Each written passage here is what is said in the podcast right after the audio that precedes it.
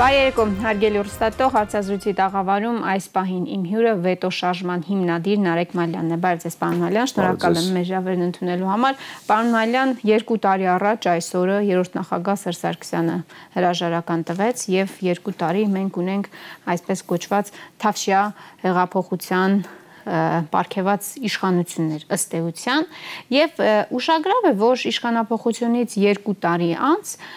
Նիկոլ Փաշինյանը խոսում է ոչ թե այսպես կոչված թավշյա հեղափոխության ձերկբերումների մասին, այլ մի ամբողջ երկու լայվ նվիրում է հիասթափություններին եւ հիասթափվողներին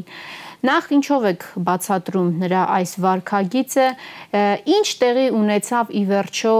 այս հարցը այս երկու տարիների ընթացքում շատ է հնչել, գիտեմ, բայց մենք միջև վերջ, ի վերջո իմանալու ենք, հասկանալու ենք, հասկանալու են, թե երկու տարի առաջ ինչ տեղի ունեցավ եւ ինչ ունենք երկու տարի անց փաստորեն, երբ Նիկոլ Փաշինյանը խոսում է հիասթափվածների մասին, իսկ նրանք, ինչպես պարզվեց նրա լայվից, քիչ չեն։ Խնդրեմ։ Սկսեմ վերջից հարցի։ Կգա ժամանակը ես շատ ասելիքներ ունեմ այս երկու տարի առաջ տեղի ունեցած իրադարձությունների մասով, այդ թվում նաև ներիշխանական ինտրիգների մակարդակով տեղի ունեցել բազմաթիվ իրադարձություններ դեռևս 2017 թվականից սկսած, որոնք ի վերջո արդեն տրամաբանորեն հանգեցին այս իրավիճակին։ Այսինքն այդ այսպես կոչված հեղափոխությունը ինքը գոնե շատ շատերի համար, այդ թվում նաև ինձ համար անակնկալ չէր։ Այդ մասին բազմաթիվ խոսակցություններ են եղել եւ անակնկալ չէր։ Անակնկալ չէր, ոչ, շատ շատերի համար անակնկալ չէր, այդ թվում նաև իմ համար կգա ժամանակը, ոնց որ որ ապրիլյան պատերազմի մասին շատ բացահայտումներ արվեցին ձեր հերոստանգերության եթերում այդ ֆիլմի ժամանակ, այդ այդ ժամանակը կգա, այդ դրանից եք խոսանք իրադարձ իրականում այն ինչ որ կատարվում էր հրաապարակում ինքը չէր արտահայտում իրականությունը խնդիր process-ները ավելի խորքային էին շատ ավելի խորքային էին կան կարող էր թվալ հրաապարակում հավաքված ժողովրդի այդ տպավորությունը լիներ որ իրենք ինչ որ մասնակից են կամ իրենք ինչ որ բանի որոշող են եւ այլն եւ այլն, բայց տենց չէր։ Սերժ Սարգսյանի որոշումը 2 տարի առաջվա գնահատում եմ ճիշտ։ Ճիշտ էր եւ ժամանակին, որովհետեւ եթե այդ որոշումը մի փոքր ուշանար, ապա տեղի կունենար այն ինչին ձգտում էին այսպես կոչված հեղափոխական հեղափոխության փայատերից գոնե կոնկրետ Սորոսենց այդ հատվածը դա արյուններ ուզում նրանք ուզում էին տենչում էին որպեսի Երևանի փողոցներում թափվի արյուն եւ իրավիճակը կանխելու այդ ուղությամբ տանելու գծած տանելու ոչ թե պատահական արյան մասին չի խոսքը հա այդ այդ ուղությամբ տանելու տանելը կանխելու միակ ձևը միակ տարբերակը ըստ էության Սերժ Սարգսյանի հրաժարականն էր ինչը կարծում եմ չարիք չեմ ունեցել այդ ճշտելու իր հետ բայց կարծում եմ որ այդ ինֆորմացիան ստանալուց հետո Սերժ Սարգսյանը հասկացավ, որ հապաղելը այլևս վերջնական կկործանի պե մեր պետությունը։ Մենք ունենանք անվերականգնելի կորուստներ իսկ մինչև հիմա, մինչև առ այսօր, այս երկու տարվա ընթացքում մենք այո, շատ կորուստներ ենք ունեցել, շատ ձախողումներ ու տապալումներ ենք ունեցել, բայց դրանցից ոչ մեկը Փարքաստո այս պայդրությամբ անվերականգնելի չի։ Այսինքն եւս երկու օր հապաղելը Սերժ Սարգսյանի կողմից կբերեր անվերականգնելի կորուստների։ Միանգամից պատասխանեմ, արդյոք կարծում եմ, որ Սերժ Սարգսյանը կվերադառնա որպես տեխնոլոգ, ասում եմ ոչ։ Սերժ Սարգսյանը չի վերադառնալու, այդ էջը փակված է եւ փակված է բազմաթիվ պատճառներով եւ հիմնավորումներով իրավիճակի մեջ իրենց մեղավորություն ունեն նաև այդ օրերին իշխող թիմի անդամները շատ շատերը որոնք այսօր անմեղ դեմքերով մտնում են եւ փորձում են Նիկոլ Փաշինյանին քննադատելով այսպես ասած աչոկներ հավաքել, բայց այս ամեն ինչի պատասխանատվությունը հավասարաչափ ներկրում են այն մարդիկ, ովքեր տարիներ շարունակ լուրջ չեն վերաբերվել կամ սեփական անձնական շահը, սեփական քաղաքական դիվիդենդները կամ եւ այլ տարբեր բաներ ավելի բարձր են գնահատել, քան պետական շահը այո, իշխանության ներսում, պետությունում, պետության ներսում եղել են մարդիկ, ովքեր նվիրալներ են եղել եւ իրանք աշխատել են հանուն պետության, իրանք դժգոհություններ են բարձրացրել, իրանք ես ճանաչում եմ այդպիսի շատ մարդկանց իրանք աշխատել են 4 աշխատավարձով, իրենք ոչ ոմանք այդպես էլ չեն կուտակել, ինչքան էլ ընդունված է հիմա համարել, որ նրանք դից ինչ-որ թալանել են եւ այլն։ Բայց նրանց ձայնը, բայց նրանց ձայնը լսելի չի եղել, որտեղ խլացվել է ընդհանուր այդ մի կողմից պաթոսի, կեղծ պաթոսի մեջ, մյուս կողմից սեփական կաշին շատ գերագնահատելու այդ վազքի մեջ։ Սերժ Սարգսյանի որոշումը ճիշտ էր, ժամանակին էր։ Եվ հանդրադառնալով հարցի մյուս մասին, որ երկու տարի անցել, սակայն դեռևս չկան ապագային միտված որից է ծրագրերի իշխանություններում, իրանք չկան, չեն եղել եւ չեն լինի։ Նույնիսկ երկու չէ, 22 տարի էլ անցնի։ 22 տարի հետո Նիկոլ Փաշինյանը եթե մնա իշխանության, ինքը 22 տարի հետո մտնելու է լայվ, ասի որ մենք այսօր որոշեցինք պայքարել Սերժի մնացորդների, մնացորդների, մնացորդների, մնացորդների դեմ, բան, այսպես բաներ անելու։ Գիտեք, մի երկու տարի, երբ որ նոր էր եղել է հեղափոխությունը, այդ սա ամեն ինչը մի քանի ամիս անց հանդիպեցի իմ ընկերներից մեկին, ով այս իշխող թիմի անդամներից է, անունը չեմ տալիս,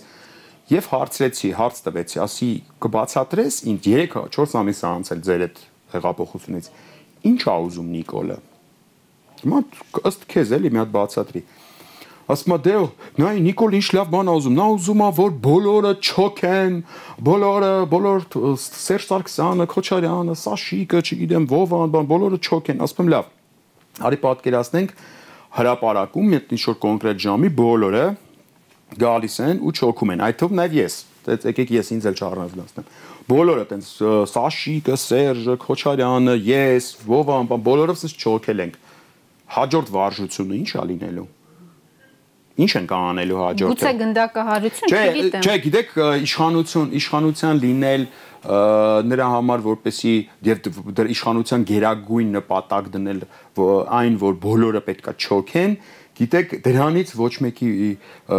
գրպանը քաղաքացիների փող չի մտնի բայց նրանք կլինեն հպարտ քաղաքացիներ բայց նաև դա մարդկանց հանեց չէ փողոց դուք ասում եք որ չեր արտահայտում իրականությունը մի րոպե մենք հիմա անդրադառնում ենք բուն խնդրին Ագնեսե ջան Այո, մարդկանց տասնյակ տարիներ մարդկանց շրջանում գեն արհեստականորեն գեներացվել է ատելություն։ Այդ արհեստական գեներացիային օգնել է նաև բնական շատ բաներ։ X պաշտոնյայի ворթու վատ արկածները կամ Y Y պաշտոնյայուհին, ով իչուրտես պաթոսային ճառեր է ասել, բայց ոչ մի քաղաքական կոնտենտ չի արտադրել իր կյանքում, բան եւ այլն։ Տարբեր մարտիկ, ավելի ավելի այդ գեներացիային ատելության օգնել են։ Այդ ատելության գեներացիան հիմնականում կառուցված է եղել ստի վրա, բայց հստակ տեխնոլոգիայով գնացել առաջ եւ վճարվել է ու շատ։ Այսինքն վճարվել են մարդիկ, ովքեր գնացել պարկել են ինչ որ դատարանների կամ բանար, գոռացել են սրիկա, օլիգարխ, տականք, բան։ Այդ մարդիկ վճարեն այդ տեխնատելության գեներացիայի տեխնոլոգիայի մեջ են եղել։ Նիկոլ Փաշինյանը վերցրել է այդ ատելության պուլտը իր ձեռքը, այդ գեներացիան կոպիտ ասած սկսել է ինքը անել մենակ ու այդ ատելության գեներացիայի հիման վրա այդ ատելությունը ուղղորդել է դեպի արդեն գործող իշխանություն եւ վերցել է իշխանությունը։ Քանի որ նրա նպատակների, նրա ծրագրերի մեջ զրո է գրած դատարկությունը չկա, որից է նպատակ չկա, ինքը ճունի որից է առումով կայունություն, դրա համար օրինակ դրսում լուրջ չեն ընդունում իրան, որովհետև երբ որ մարդը ճունի քաղաքական հայացքներ, ճունի իզմ, այսպես ասած, որ ինքն է ժխտում, չէ՞, ասում է իզմերը չկա։ Ինչի չկա, որտեվ չունի ինքը այդ իզմը։ Այդ անիզմ մարդու հետ անհնար է երկար հույս կապել կամ նպատակ դնել։ Եվ իր իշխանությունը հիմնված է ատելության գեներացիայի վրա, քանի այդ ատելության պուլտը իր ձեռն է, ինքը սկսում այդ ինքնա ասում, այս նրան ատեք ժողովուրդը, սորտուսից հարցակվում ատումը, նրան ատեք, հարցակվում նրան ատում, բան եւ այլն։ Քանի այդ պուլտը իր ձեռքին է, ինքը իրան ապահոված կու։ Հիմա այլևս այդ պուլտը կամած-կամած, այդ ատելության գեներատորի պուլտը իր ձեռքից սահում է ներքև, որովհետեւ ստեղծում են բնական արդեն պայմաններ այդ ատելության գեներացիայի համար։ Դա սոցիալ-տնտեսական ծանր եւ անլուծելի իրավիճակն է, որը այս իշխանությունների ապաշնոր քաղաքականության, ապաշնոր կառավարման արդյունք է մեծի մասամբ բացի այդ, հա որ աշխարհը պանդեմիա, տնտեսական ճգնաժամ եւ այլն, այդ բացի այդ օբյեկտիվ պատճառներից գոյություն եւ ապաշնոր կառավարման պատճառ Եվ դրա արդյունքում մարդիկ սկսում են ատել արդեն Սերժ Սարգսյանը եւ չգիտեմ նախքին իշխան երկու տարի առաջ իշխանության եղած ինչ որ մեկը թեկուզ օրինակ վերցնենք ես դառնում ենք կեղծ թիրախներ ժողովրդի համար, որովհետև ժողովրդը ասում է ես սոված եմ, իրեն ասում են ոչինչ, բայց նայ դու կարաս հիմա ատես այս մարդուն, ով որ 3 տարի առաջ ինչ որ պաշտոններ զբաղացնում դրանով արդեն ժամանակավերապ է բայց դրանից բացի դրանից բացի այլ բան չունի մատուցելու ժողովրդին իշխող թիմը ինքը կարող է ատելություն գեներացնել օրինակ եկեղեցու նկատմամբ ինչ որ մարդու ինչ որ կառույցի ինչ որ երկրի ամեն դաշնակից երկրի նկատմամբ բայց գիտեք երբեք չի կարելի կառուցել ատելությամբ անհնար է կառուցել ատելությամբ կառուցում են պայմանավորվածություններով, կառուցում են լեզու գտնելով, կառուցում են բանակցություններով, ինչ որ բան, կապ չունի ինչ իսկ ատելությամբ քանդում են, ոչնչացնում են։ Արդյոք արժանի էր նախքին կառուցվածքը իշխանության քանդվելու։ Ես կարծում եմ այո, արժանի էր քանդվելու, որովհետև նա այլևս ապագան սпасարկող բուրգ չէր իշխանական։ Դա միանշանակ պետք է ընդունել անկախ ամեն ինչից։ Բայց արդյոք քանդելուց հետո լինելու են լինելու են բրիգադը, ով որ սկսելու է կառուցել այ այլի եմ ասում անպայման այո, որովհետև այս բրիգադը քանդող բրիգադն է։ Եվ ինքը ինչքան երկար մնա այդ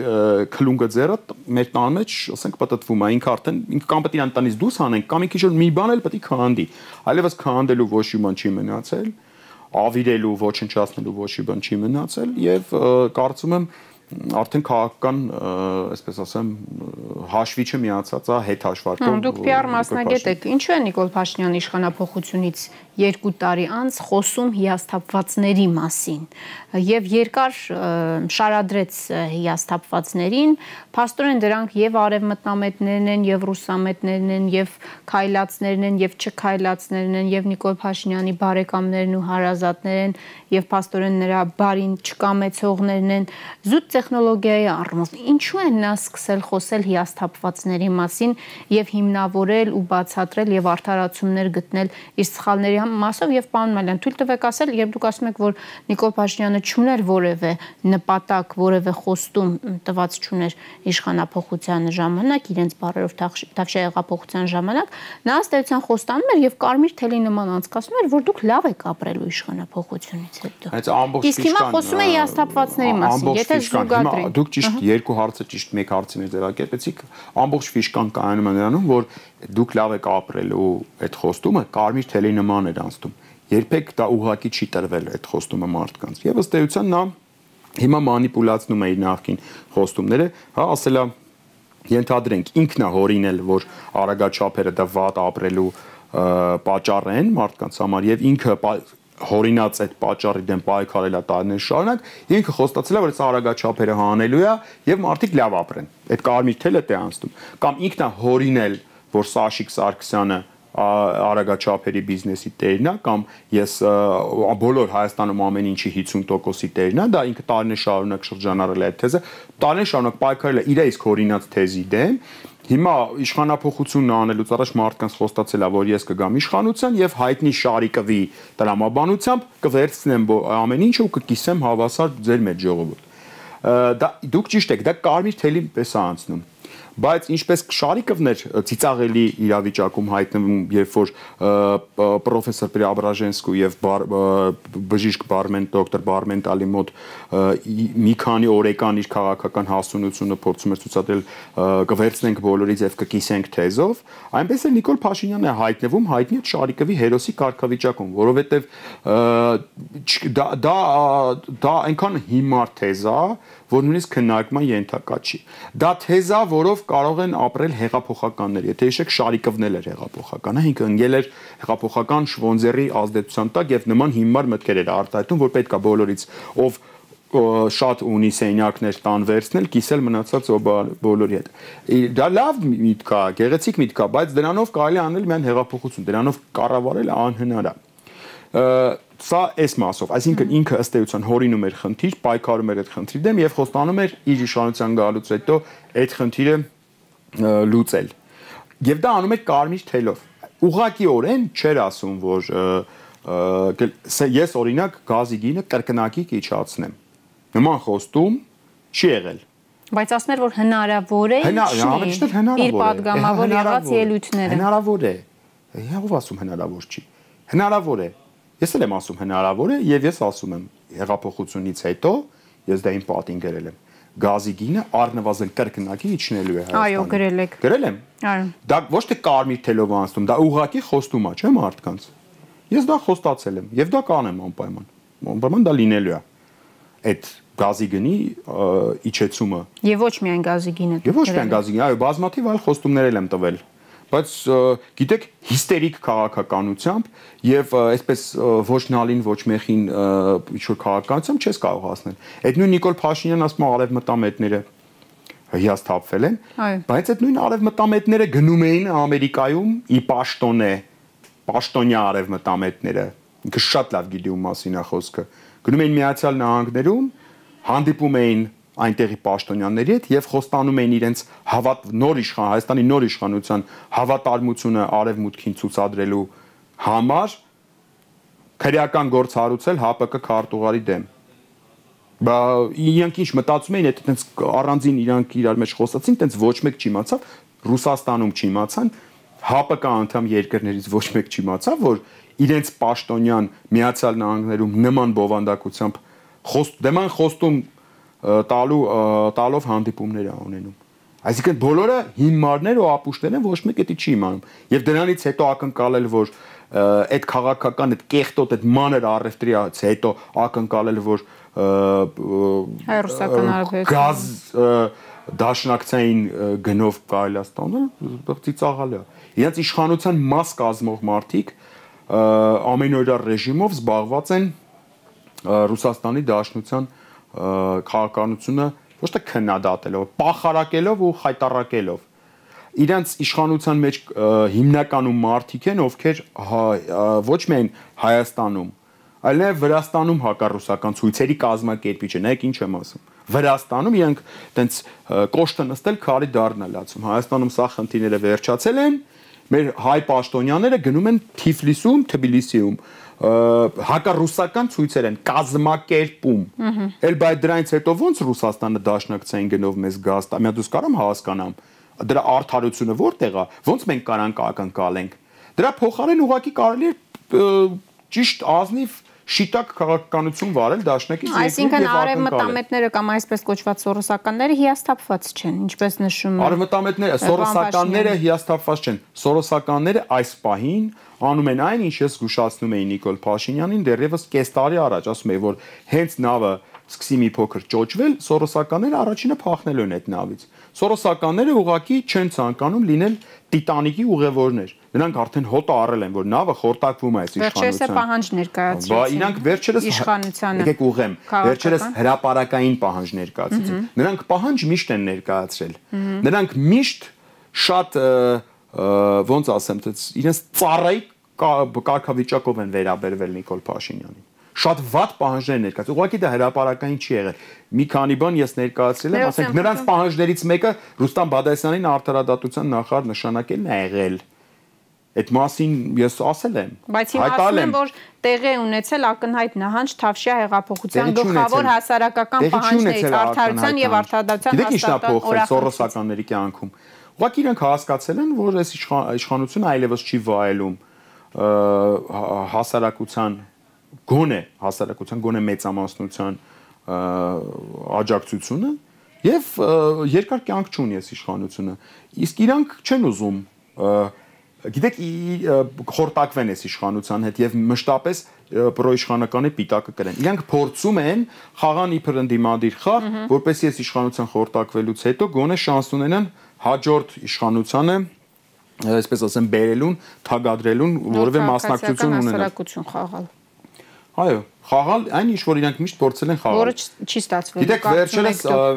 Սորոսը, Ջորջ Սորոսը հայտարարություն արեց, որով որտեղ կոչ արեց ամեն գնով աջակցել Թուրքիային։ Հիմա իր վարձկանները Հայաստանում իրականացնում են իրենց տիրոջ, այսինքն այն մարդով, որ ինձ վճարում է, պահանջը աջակցում են Թուրքիային։ Նույն կերպ այդ նույն Թուրքիային աջակցության շրջանակներում գնացել էին Արցախ եւ դիտորդություն էին անում Սորոսի վարձկանները։ Այո, այդ էր։ Այսինքն Թուրքիային աջակցողները Արցախում դիտորդություն էին անում։ Հիմա օկտոբերով արդից Արցախի իշխանություններին մի հատ բարի խորհուրդ տամ։ Երբեք չթուլանաք Սորոսականները փորձելու են Արցախում իրակ իշխանապողություն իրականացնել։ Ձեր իշխանությունը ամուր չի, ինչքան կարող ձեզ թվալ։ Վրընդեք բոլոր սորոսականներին Արցախից վրընդեք շատ վատ կերպով, շատ կոշտ մեթոդներով կանխեք ու ճնշեք սորոսականների գործունեությունը Արցախում այդ կերպ դուք հնարավորություն կունենաք այսօր իսկ կանխել վաղվա այն իրադարձությունները, որոնք տարերային բնույթ են սկսելու կրել եւ ոնց դեմը չեք կարողանալու առնել։ Իրանք այսօր հող են նախապատրաստում, ստում են, խափում են, որ իբր եղել այն շուտ համատարած կեղծիքներ բան, այդ միտքը գեներացնում ու շրջանառում որպես այդ մտքի հիման վրա խախտված եւ բան իրավունքները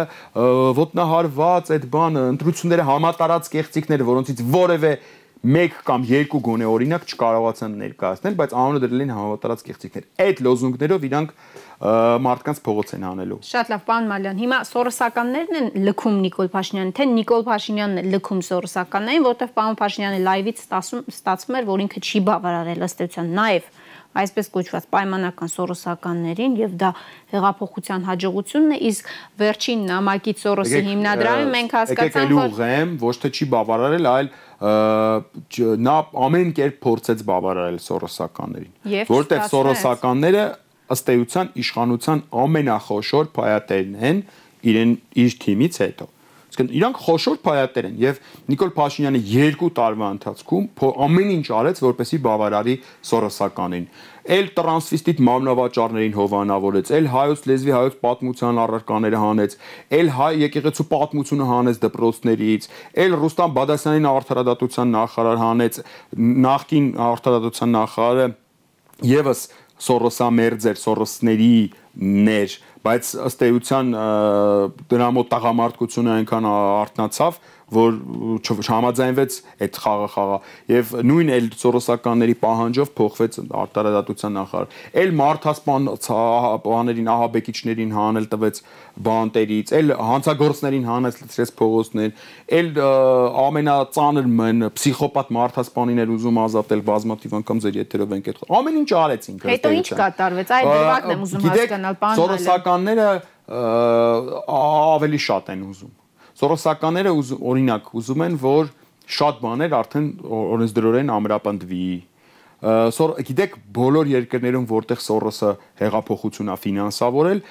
հիմնական փոփոխությունները հիմնական այդ ստոր տականք փոփոխությունները, այդ երկերը քանդելու, պետականությունը քանդելու փոփոխությունները կատարվել են առաջին տարում այն տարում, երբ որ էйֆորիան շատ է, երբ որ ժողովուրդը չի հասկանում ինչա կատարվում, հա, ինքը տենց երջանիկ բան, Սորոսականները հույս ունեն, որ հիմնական փոփոխությունները օրեսդրորեն ամրագրված, ամրապնդված կլինեն առաջին տարում, ինչը չեղավ։ Ինչի համար թույլ տվեք շնորհակալություն հայտնել Նիկոլ Փաշինյանին, եթե նա դա արել է գիտակցությամբ, գիտակցաբար։ Ես ձեր եթերից շնորհակալություն եմ հայտնում, որ նա չտրվեց այդ բանին, այդ դրան։ Եվ հիմա սորոսականները արդեն հասկանում են, որ անիմաստ է այդ գազը հեղափոխական այդ էйֆորիայի թողելա, այլևս ցանկացած իրանց փոփոխություն արժանումը ծաղր ու ծանակի, ասենք Լարա Արոնյանը կոչ անում, որպեսի բանը պոռնկությամբ զբաղվող տրանսվեստիտներին պետական աջակցություն տան, որովհետև նրանց կլիենտները պակասել են կորոնավիրուսի այս պանդեմիայի շրջանակներում։ Վատ բառ չեմ ասում ձեր եթերում, դա քրեական օրենսգրքի հոդվածի անվանում է պոռնկությամբ զբաղվել, դա վարչական իրավախախտում, այտենց է կոչվում։ Այսինքն եթե լրիվ եթերային խոսքով եմ ասում, ինչի գիտես ինչու դա ներկայացվում է որպես սեքս աշխատող եւ այլն եւ այլն։ Եվ ինչի ծաղրու ցանակի արժանացավ։ Իշխող քաղաքական թիմի անդամը կոչ անում պոռնկությամբ զբաղվողների կլիենտների նվազման շրջանակում պետական միջոցներից ձեր մեր հարկատուների փողերից փող տանք որտեվ այդ պոռնկությամբ զբաղվողների կլիենտները նվազել են այսինքն արդեն ժողով մարդիկ հասկանում են որ այն ամեն ինչը ինչը արվում է այսպես ասեմ բոբոյացած վատ քխ Սերժ Սարգսյանից հետո դա ամեն ինչ չի որ լավ է լիքը բաներ կա, որ ավելի լավ էր այն իրավիճակը մնար, շատ մարդկանց պատկերացում էր, քան հիմա։ Եվ ամենակարևոր բանը, մարդիկ լավ չեն ապրում։ Մարդիկ ապրում են ավելի վատ, քան 2 տարի առաջ։ Սա շատ կարևոր ցուցիչ է։ Մարդկանց հիմա առաջնորդում է հույսը։ Հույսը, որը անընդհատ իր լայվերի միջոցով փորձում է տա Փաշինյանը, որ շուտով 30 միլիարդ ենք գրավելու աշխարից, այս պանդեմիան ինչ լավ է եղավ, մենք սկսելու ենք եսի միջեր անել բան։ Այդ հույսով, այդ խափելով փորձում է բանանի։ Մարդը մտածում է այսօր սոված եմ, բայց վաղը ուշտ կլինեմ։ Մայիսի 14-ին արտակարգ դրությունը կվերջանա, հավաքների ազատության իրավունքը կվերականգնվի Հայաստանում։ Այդ ժամանակ կտեսնենք։ Սպառնում եք, Փաշինյան։ Ես չեմ սպառնում, բացարձակ Ես չեմ սպառնում։ Ես կանխատեսում եմ եւ հիմնավոր փաստերի վրա եմ այդ կանխատեսումը անում։ Շատ լավ, պարոն Մալյան, դուք կարծում եք, որ հեղափոխություն է լինելու։ Պարտադիր պետք է լինի։ Իրական հեղափոխություն է լինելու, մի շարք կետեր էիք շարադրել, թե իրական հեղափոխությունից հետո ինչ է լինելու, եթե Սորոսի թեման փակենք ըստ էության։ Սորոսի գրասենյակը փակվելու է հեղափոխությունից հետո։ Հաջորդ իշխանությունը լինելու է հակասորոսական։ Այո, մեր եթերում ասել եք դա։ Շահառուների մի մասին սպասվում է լուրջ քրեական գործեր, մարդը ով եղել է նախորդ կյանքում այսպես ասած սորոսական պետական պաշտոն չի կարող այլևս զբաղեցնել նոր իշխանության օրակ հա, էջը կփակվի փաստորեն միանշանակ այդ էջը ամբողջ աշխարհում է արդեն փակման եզրին նույնիսկ պանդեմիան սպանեց պոպուլիստական եւ գլոբալիստական հոսանքները քաղաքական եւ ավելի ռեալիստ իշխանություններ են պահանջվում ամբողջ աշխարհում իշխանություններ, որոնք կերակրեն ժողովրդին։ Ճառասող հպարտ տխուր, չգիտեմ ես իմ ուրախ այդպիսի էպիցենտրներ, որոնք որ կապ չունեն մարդկանց կուշտ պայելու հետ, այլևս արդիական չեն։ Այսինքն մարդիկ հասկացել են, որ լավ իշխանություն այն իշխանությունն է, որ կարող է կերակրել։ Իսկ Սորոսի գաղափարախոսությունը բաց հասարակության գաղափարախոսությունը ինքը իրականում որևէ կապ չուներ ժողովրդավարության հետ, ինքը ժողովրդավարության տզրուկներից էր, որ ինքը ժողովրդավարության անվան տակ քանդում էր պետականությունը, կրոնական կառույցները եւ այլն եւ այլն։ Ընտանիք հասկացողությունը այդ դրա համար նա ֆինանսավորում էր եւ կհաղթում են այս համաշխարհային այս վարակի այս մարտահրավերը բոլոր այն պետությունները, որտեղ ավելի բարձր ավտորիտարիզմի չափորոշիչ, այսինքն այն պետությունները, որտեղ ավելի փակ է հասարակությունը, իրենք ավելի լավ են դիմակայում մարտահրավերներին։ Այն պետությունները, որտեղ բաց է հասարակությունները, Այնտեղ տեսնում եք ինչա կատարում։ Շատ լավ։ Դուք նաև ասել եք, որ հեղափոխությունից հետո 15 րոպեի ընթացքում սեկտ համակարգով փակվելու են թվով 1428 մարդու Հայաստանի սահմաններից բոլոր ելքերը։ Այս պահին 1428 մարդու ցուցակ արդեն կազմված է, հնդածս հնարավոր է ավելանան։ Արդեն կա 35 արդեն։ Արդեն 35 գրել եք, արդեն կա ձեռք բերված պայմանավորվածություն։ Ովքեր են այս 1435 փաստորեն արդեն անձիկ եւ ում է ձեռք բերված պայմանավորվածություն։ Շատ խորթավոր գրառում էր, պարոն Մալյան։ Հա, շատ հետաքրքիր դուք այդ գրառումը ֆիքսել եք եւ նկատել եք։ Ասեմ ձեզ, ուրեմն ես կազ ես իմ ընկերների հետ, ովքեր որ էքսպերտային մակարդակով ունեն այդ ունակությունները կազմել ենք այն մարդկանց առերևույթ այն մարդկանց ցուցակը, ովքեր որ հնարավոր ապօրինությունների մեջ են դատախված եղել դες վերջին 2 տարվա ընթացքում։ Այդ ցուցակի մեջ հնարավոր է լինեն մարդիկ, ովքեր չհաստատվի մեր ենթադրությունը, այսինքն ենթադրենք մենք կարծում ենք, որ նրանք ապօրինություն են թույլ տվել, բայց պարզվի, որ թույլ չեն տվել։ Ամեն դեպքում հեղափոխությունից անմիջապես հետո իմ իրավապահ համակարգի կապերի հետ ես ունեմ պայմանավորվածություն հայրենասեր մարդկանց հետ, ովքեր իրավապահ համակարգի ներսում աշխատում են եւ տեսնում են, որ պետությունը քանդվում է ուղակի, փլվում է։ Այդ մարդիկ իրենց աջակցությունն են մեզ հայտնել, ես էլ ինչով օգնենք, ես էլ ասել եմ։ Կա ճարել հնարավորինս, այսինքն մարդ, որը որ կարող է ունի այդ դոստուպը, այսպես ասած, սեկտ համակարգը փակելու, ես կներկայացնեմ ցուցակ, այդ ցուցակի մարդկանց սեկտը կփակեք։ Իմ ասած ժամին, իմ ասած օրին։ Ստացել եմ այդ հավաստիացումը, որ կա այդ մարդ, այդ մարդիկ կան, մարդ չեն, մարդիկ են դրանք շատ են, շատ շատ են համակարգի ներսում մեծ մասը հասկանում են, որ իրանք հիմա աշխատավարձ են ստանում պետության դեմ աշխատելու համար։ Եվ այդ մարդկանց միջոցով անկախ նրանից ով կգա իշխանության, բացարձակ կապ չունի, ընդ որում ասեմ ձեզ, հեղափոխություն, հեղափոխության լինելու դեպքում իմ խնդրանքով, իմ պահանջով այդ այս պայդրությամբ 1435 մարդու սեկտը կփակվի, որպեսզի նրանք հնարավորություն չունենան Հայաստանը լքելու дальше разберемся. Արդեն կտեսնենք թե ո՞նց կապ չունի ով կգա իշխանության պարոն հա։ Մալյան։ Իմ համար դա կապ չունի։ Կարող է Կա, չի կարող։ Ավելի սորսական չի կարող։ Ես ես ասում եմ, ես դրան մի հարց առաջ մենք դա ֆիքսեցինք, որ հաջորդ իշխանությունը Հայաստանում դա ձեզ խոստանում եմ, դա չի քննարկվում։ Դա լինելու է հա, հակասորոսական։ Դե հիմա կարող եմ երկար բացատրել, որովհետև հակասորոսականությունը արդեն քաղաքական օրակարգի ան կոկտեյլի մասն է։ Որ ալիքով ինչ հարցազրույց նայում եք, անպայման ինչ որ մարդ փորձում է ապացուցի, որ ինքը Սորոսի հետ կապ չունի։ Եվ դա արդեն քաղաքական օրակարգ է բերվել։ Նաև մեր համեստ ջանքերով վետոյի թիմի համեստ ջանքերով այդ քաղաքականորակարգ մտել այդ հարցը։ Ուրվագծված է ձեզ համար թե ինչպիսին է լինելու հաջորդ իշխանությունը։ Ես հույս ունեմ եւ ամեն ինչ կանեմ, որպեսի անձերի մասին է խոսքը գնում ով ալնելու։ Համակարգի, համախմբումների, կոնսենսուսների դա նկատի ունեմ։ Ինչպիսին է հաջորդ իշխանությունը, հաջորդ իշխանության իշխանության շեշտադրումները նախ էս ավիրվածությունը, այս ավերը, այս աղետը, այս քանդումն ու քայքայումը վերականգնելու մասով շատ երկար ջանքեր ա պետք ու լուրջ ջանքեր ա պետք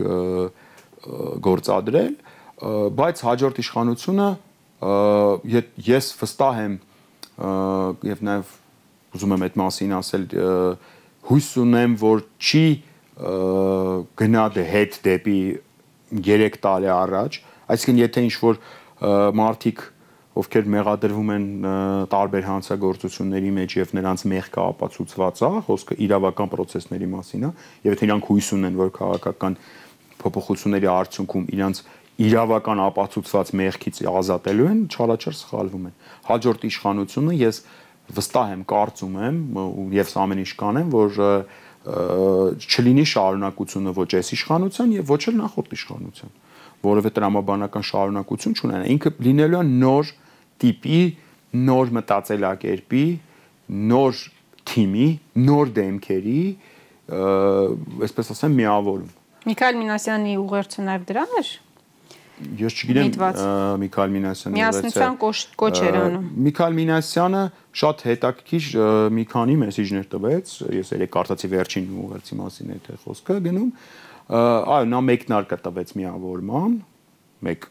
Մինչև այդ Հայաստանի քաղաքական դաշտում անընդհատ հետևողականորեն ոչնչացվում էր ընդդիմադիր միավորման գաղափարն ու հերանեկարը հրաապարական հրաապարական հրաապարական մինուս 1-ի հրաապարական առումով մեծ միավորման մեծ համախմբման մեկնարկը տրվեց 3 եւ ոչ միայն քաղաքական ուժերի Ես հենց դա եմ ուզում այդ առանձնահատկությունացի, խոսքը նաև էլիտաների մասին է։ Խոսքը գնում քաղաքական էլիտայի, խոսքը գնում կրոնական, եթե ես ճիշտ եմ հասկացել ուղերձը, խոսքը գնում է եկեղեցական էլիտայի, խոսքը գնում է մշակութային էլիտայի, խոսքը տարբեր էլիտաների միավորման մասին է մի գաղափարի շուրջ եւ այդ առումով մի հատ էլ շատ հետաքրիր այսպես մեսիջ կար, որ մարդիկ կային, ովքեր հույս ունեին, որ եթե երկու տարի կծավալեն կամ պարտաճանաչ հարկեր կմուծեն, կլինեն օրինակ օրինապաշտ քաղաքացիներ։ Նիկոլի, այսպես ասեմ, հաշվեհարդարը իրանց կշրջանցի։ Դա այդպես չի եւ դա նաեւ ցույց տվեց վերջին իրադարձությունները հանրային հերոստանգերության մասով Պետրոս Ղազարյանին դժվար է մեղադրել հականիկոլականության մեջ, բայց ես տարի ու կես առաջ նրան ասել էի օրինակ, որ Պետրոս ջան, այդ քո դուրն էլա չոքելու այդ ուխտը, մի օր դու անհարմար մարդ ես դառնալու Նիկոլի համար եւ նա բան անելու։ Ընդ որում բոլորին է դա վերաբերվում ոչ միայն Պետրոս Ղազարյանին, ինչը եւ եղավ։ Ես ավելի շատ կսպասեի տեսնեի ինչ համախմբան ինչ միտումներ կլինեն, ինչ միավորման, ինչ բաներ կլինեն ու ըստ այդմ արդեն նաև կարելի է շատ ինտենսիվ աշխատել այդ համախմբումների շրջանակում, այո։ Ինչի՞ չէ նաև երկրորդ նախագահան բավական լուրջ ռեսուրս ունի, չեմ թվարկի այդ ռեսուրսը, բայց շատ լուրջ ռեսուրս ունի եւ ես արտադիր տեսնում եմ այդ միավորման ռեսուրսը, կոպիտ ասած տարբեր ռեսուրսների միավորումը հանուն պետության, հանուն պետությունը փրկելու։ Ինչի՞ չէ։ Շատ կարևոր բան եմ ուզում ասեմ, նաև երկրորդ նախագահի կապված այդ իրավական process-ները, որոնք որ սկսվել էին, դրանք ուղակի զորով երկրորդ նախագահին հետ բերեցին քաղաքականություն։ Երկրորդ նախագահան քաղաքականության մեջ չէր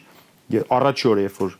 2018-ի հուլիսին արդեն ձերբակալման այդ խոսակցությունը սկսեց, ես գրառում արեցի, որ Նիկոլ Փաշինյանը զորով բերում է քաղաքականություն երկրորդ նախագահին։ Եվ ըստ էության տենց էլ եղավ, այսինքն որևէ իրավական հիմնավորում այդ լղոզված այդ բաները հրաապարակային այդ բաները որ մարտի 1 ես իմ սպանություն հպարտ հուզված չգիտեմ ինչ ես իմ ինչերը իրանք իրավական թուղթ չդարան իրավական փաստաթուղթ չդարան ըստ էության Նիկոլ Փաշինյանը 2 տարի է զբաղված է ինչ որ բաներ գտնելով երկրորդ նախագահի երրորդ նախագահի, չգիտեմ, տարբեր մարդկանց դեմ ինչ-որ բաներ անելով։ Եվ շարունակում են ապօրինի կալանքի տակ պահել։ Վեհապարի կոչը վերջերս բան Մալյան, որ հղում անելով բժիշկների եզրակացության վրա, որ անհամատեղելի է կալանքը իր առողջական վիճակով պայմանավորված, իշխանությունները, նաև նրանց մերձ շրջանակները էլի փորձեցին գեներացնել այդ ատելության այսպես կոչված մթնոլորտը, արշավ իրականացվեց եկեղեցու դեմ, վեհապարի դեմ։ Նիկոլ Փաշինյանի կողմից ավելացնեմ ձեզ, իսկ իմ լավատեղյակ աղբյուրների Նիկոլ Փաշինյանը անձամբ այդ տեքստը գրել է, ուղարկել է Ալեն Սիմոնյանին, որպեսզի նա տեղադրի վեհապարի դեմ տեքստ։ Դա տենց իմ լավատեղյակ աղբյուրները դա են ասում, չէ։ Իր լավատեղյակ աղբյուրները ասում են, որ այդ սլիվը բան հարություն հարությունն հարությունն դա իմ լավատեղյակ աղբյուրներն էլ ասում են, որ Ալեն Սիմոնյանին Նիկոլ Փաշինյանն այդ տեքստը ուղարկել եւ Ալեն Սիմոնյանն էլ իմ լավատեղյակ նույն աղբյուրն ասում են, որ սկրինը պահել է։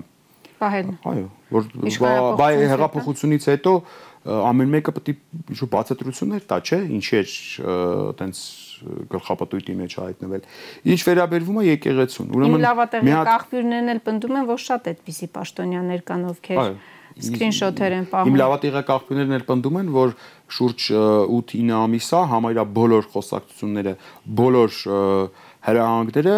արխիվացվում են, որովհետև դրանք արդեն դադարել են տրամաբանական եւ օրինական լինել եւ ոչ մեկ չի ուզում պատասխանատվություն կրի ապօրինի հրահանգներ կատարելու եւ դա բնական է։ Ինչ վերաբերվում է եկեղեցուն, Ուրեմն ամենագլխավոր Եթե կարելի ավարտեմ, դուք ասել եք, որ հեղափոխությունից հետո ամենայն հայոց կաթողիկոսին օրենքի ուժով պետությունը պաշտպանության տակ կվերցնի որպեսի քաղաքական տարբեր ապուշ հոսանքներից կախված չլինի վեհապարի անվտանգությունը։ Մի հատ շատ կարևոր ստախոսություն մանիպուլյացիա բացահայտեմ ձեր եթերում, հա, ասում են որ ինչու եկեղեցին նախկինում չէր խոսում եւ այլն։ Եկեղեցին միշտ խոսել է։